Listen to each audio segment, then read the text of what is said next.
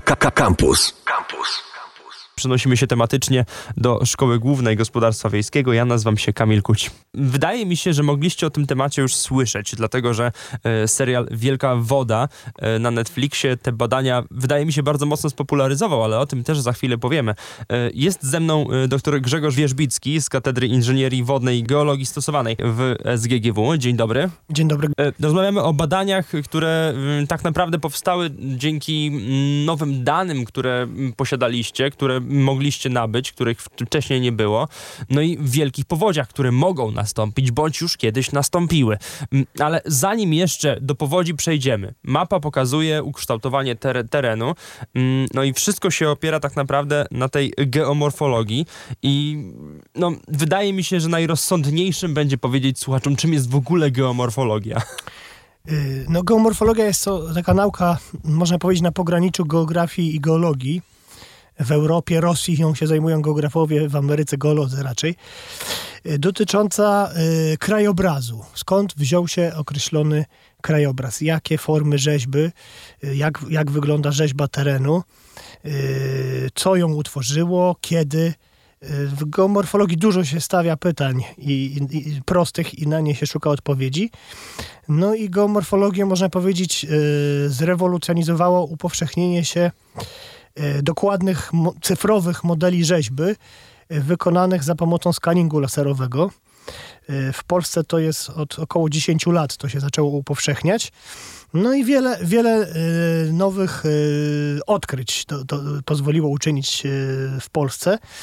No i ponieważ te dane w, dla Warszawy też są dostępne, no to takie wyzwanie podjąłem, żeby sprawdzić, jak wygląda ten naturalny krajobraz y, w Warszawie, czyli wielkim mieście silnie zurbanizowanym, bardzo mocno przekształconym przez człowieka i nieustannie dalej przekształcanym i zabudowywanym. Czy też w innych y, miastach Polski takie, takie badania na temat mm, geomorfologii terenu powstawały?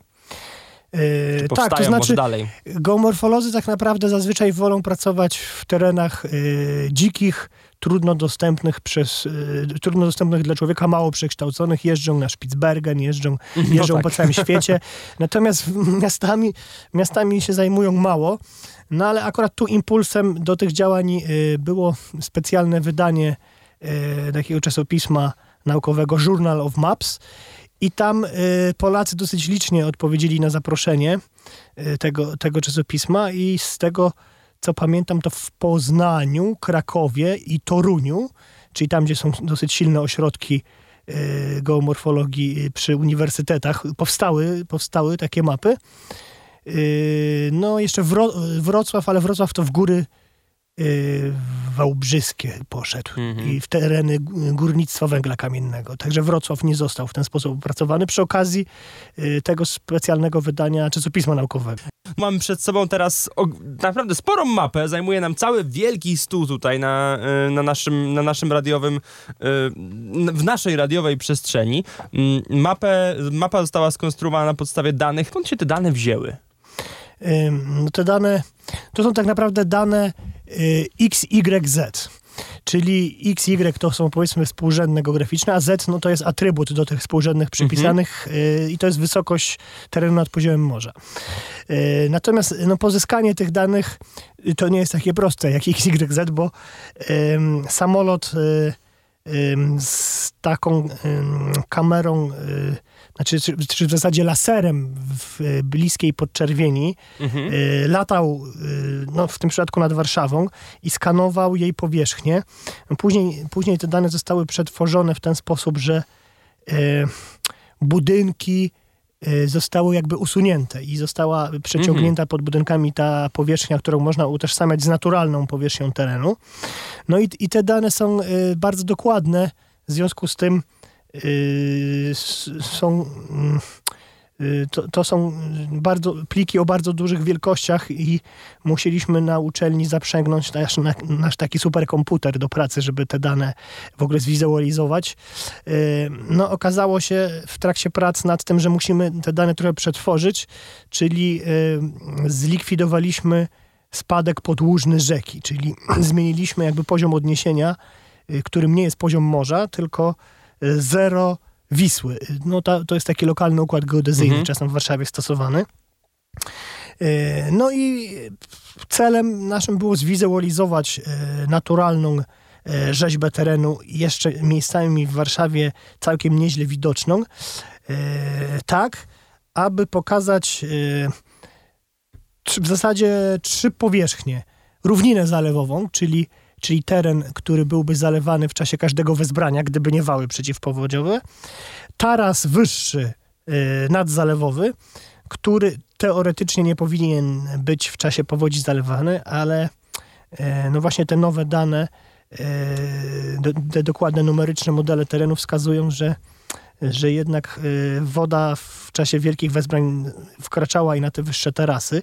I to nie tylko w Warszawie, bo my tu te badania e, prowadzimy raczej poza, poza Warszawą, w Dolinie Wisły Środkowej, aż tam po Małopolski przełom Wisły, w Dolinie Dolnej Wisły, poniżej Uścia Narwi, e, w Dolinie Bugu. No a w, a w Warszawie chcieliśmy sprawdzić, czy to, czy to, co tam zauważyliśmy, czy też jakoś tutaj da się zastosować. E, No i, wreszcie kolejna, trzecia powierzchnia, no to już jest taras, e, taki zdecydowanie wyższy nadzalewowy. On jest, on jest pokryty wydmami. No i jest wreszcie Wysoczyzna polodowcowa. To akurat granica między Doliną Wisły, Wisły a Wysoczyzną polodowcową jest bardzo prosta. To jest tak zwana skarpa warszawska. W zasadzie jedyny element rzeźby terenu, który jest jakoś widoczny dla każdego, łatwo dostrzegalny w Warszawie. No dobra, to w takim razie pochylmy się trochę nad tą mapą yy, i zastanówmy, yy, i chciałbym, żebyśmy jakoś zobrazowali słuchaczom, gdzie to tak naprawdę mm, są yy, A, te wysoczyzny, o których przed chwilą mówiliśmy, a B, te tereny, które mogły być zalane, gdyby yy, wezbranie nastąpiło, a wałów nie było. Jakie są takie najbardziej ryzykowne obszary? Czy faktycznie gdzieś tutaj, bo jesteśmy, znajdujemy się teraz na Powiślu yy, i zastanawiam się, jak tutaj to wygląda, choćby w tym miejscu, gdzie teraz się znajdujemy. Yy, No właśnie, czyli jesteśmy przed.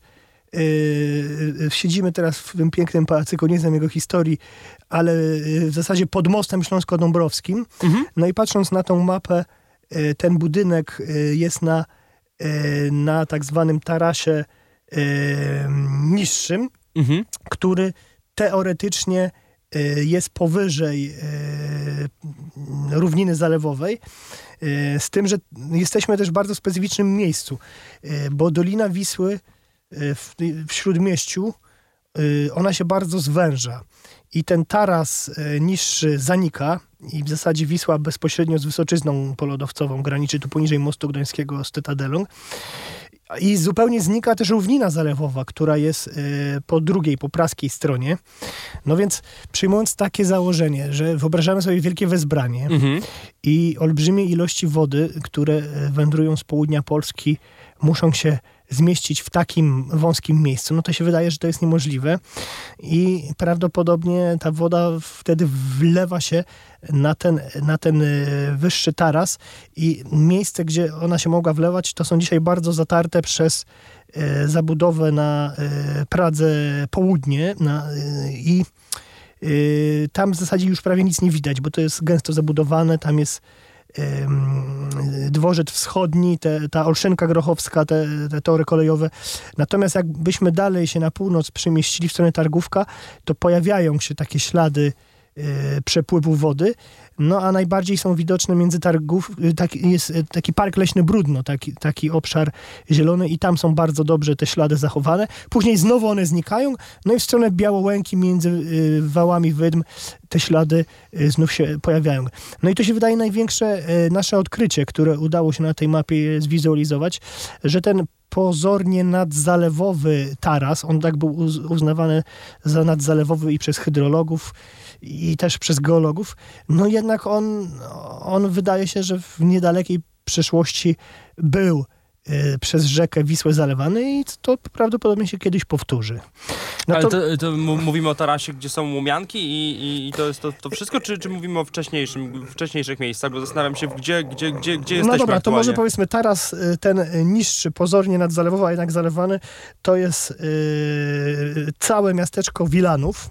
A, Wilanów, tonowe, okej, tak. dobra. I w śródmieściu Warszawy to zanika po lewej stronie. On, Mhm. Jakieś jego wąskie listwy się pojawiają tam przy moście Grota Roweckiego i on później się e, rozszerza właśnie w Łomiankach i w zasadzie na nim jest większość e, Puszczy Kampinoskiej zlokalizowane. Natomiast e, po prawej stronie praskiej no to, no to fragmenty Wawra, cała Praga Północ, Targówek, no i, i Białołęka Legionowej, aż to się ciągnie do Doliny Narwi. Nie, przed chwilą powiedzieliśmy, że niektóre z tych terenów, czyli no, z tego co widzę, Praga Północ, Łomianki, y, to praktycznie są tereny, które w przeszłości lub y, w przyszłości będą na pewno zalane. To znaczy Praga Południe bardziej niż Praga Północ. Okej. Y, I Łomianki zdecydowanie tak, ale nie całe, tylko tak zwane Łomianki Dolne Mhm. I Kępa Kiełpińska. Te tereny i większość dzielnicy Wilanów no jest położona po prostu na równinie y, zalewowej Wisły, która w czasie każdego większego wezbrania y, wody w rzece y, była zalewana. No oczywiście zostały zbudowane wały przeciwpowodziowe, no i dzisiaj w czasie wezbrań woda o te wały się opiera i chroni przed, e, przed e, zalaniem. No ale wały przeciwpowodziowe mogą być przerwane. Możemy sobie też wyobrazić jakieś ekstremalne wezbranie, że woda się przeleje górą ponad wałami Mhm. przeciwpowodziowymi. Więc te tereny na równinie zalewowej, które na mapie są zaznaczone e, niebieską barwą, z całą pewnością czeka powódź i to przy najbliższym wezbraniu, które przerwie wały przeciwpowodziowe lub przeleje się górą. Natomiast te tereny, y, które są na tych tarasach zalewowych, one są tu nazwane niższe, ale to jest wyższy poziom niż równina Mhm. zalewowa, czyli zaznaczone na żółto, no to musi być już zupełnie ekstremalne wezbranie y, i tak duża ilość wody, no to wydaje się, że y, w XIX wieku ostatni raz się zdarzała w Warszawie i, i w Dolinie Wisły. Natomiast y, my zapominamy o tym, że tradycyjnie rzeki północnej Polski, pół, północno-wschodniej Polski, one e, były doświadczane zatorami lodowymi i wezbraniami zimowymi. I jak e, e, e, zamarza koryto rzeki, formuje się w nim, formują się w nim zjawiska lodowe i zapcha ono się lodem, to przy względnie małej ilości wody może dojść do takich spiętrzeń, że woda e, wylewa się też e, na, na te teoretycznie e, nadzalewowe, wyższe e, tarasy. I coś takiego wydaje się, że w Warszawie się powtarzało. Znaczy Warszawy wtedy nie było prawdopodobnie. Wte, wtedy mm, był e, je- jedynie gród na Brudnie. e, No i te ślady są bardzo wyraźne. No i ja nie widzę problemu, dla którego miałoby to się kolejny raz nie powtórzyć, chociaż w ostatnich kilka, kilkanaście zim rzeczywiście jest e, łagodnych i te zjawiska lodowe. No też mamy najniższe stany Wisły w ogóle od, od, od, od dłu- długiego czasu już. No tak, to jest w ogóle takie dosyć e, śmieszne, że dosyć duże zainteresowanie tą mapą opublikowaną już dwa lata temu pojawiło się w czasie e, po rekordowo niskich stanach wody, e, kiedy lato było bardzo suche.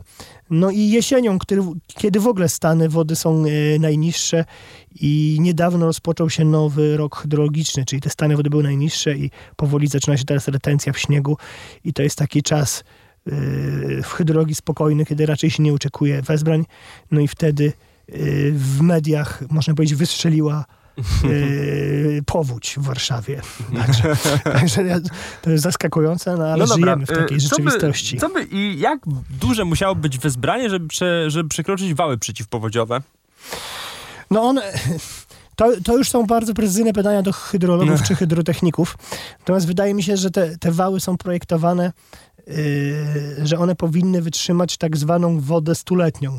I to jest takie trochę mylące yy, określenie, źle interpretowane yy, przez ludzi, często przez dziennikarzy, którzy lu- ludzi też później straszą, że taka powódź zdarza się raz na 100 lat. To jest powódź o prawdopodobieństwie 1%. I no, taka powódź może się zdarzyć raz na 200 lat, ale w 2010 roku y, było y, kilka fal wezbraniowych y, o, o prawdopodobieństwie, y, jak dobrze pamiętam, 2%. procent. Także, także trzeba pamiętać, że statystyka czy prawdopodobieństwo, no to, to nie jest coś, co możemy tak dosłownie interpretować. I też ta, ta statystyka czy prawdopodobieństwo tych określonych stanów wody opiera się na stosunkowo krótkich seriach obserwacji hydrologicznych. Yy, które są precyzyjne na wodowskazie z dokładnością do centymetra odczytywane. No i w Warszawie, jeśli dobrze pamiętam, to jest, to jest około 200 lat.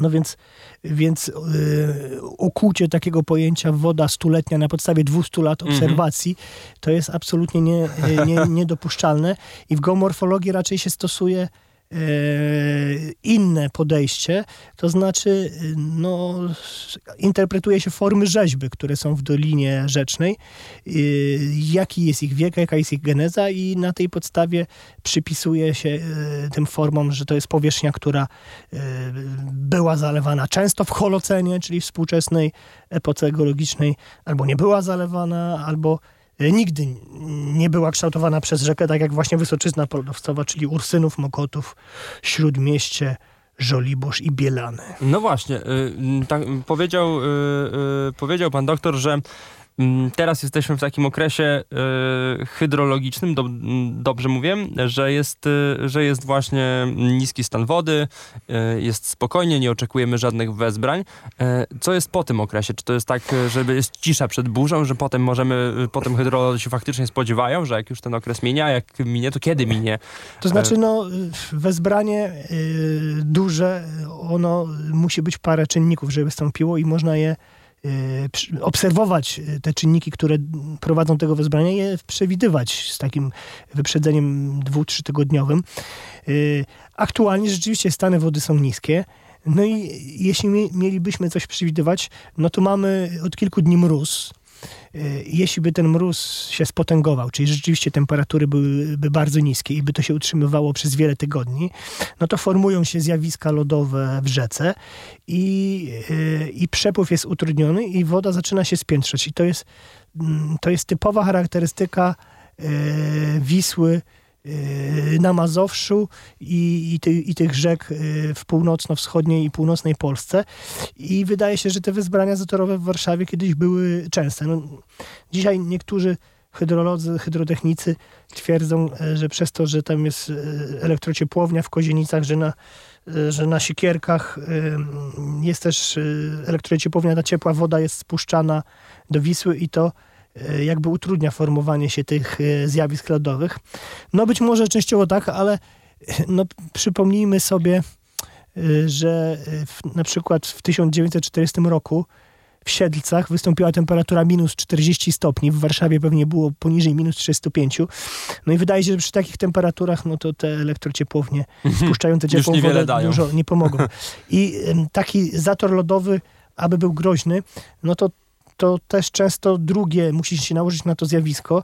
Otóż często w północnej, północno-wschodniej Polsce rozwija się wyż z Syberii, czy tak jak teraz powietrze arktyczne, a w Polsce południowej jednak przybijają się jakieś niże fronty atmosferyczne i dochodzi do odwilży.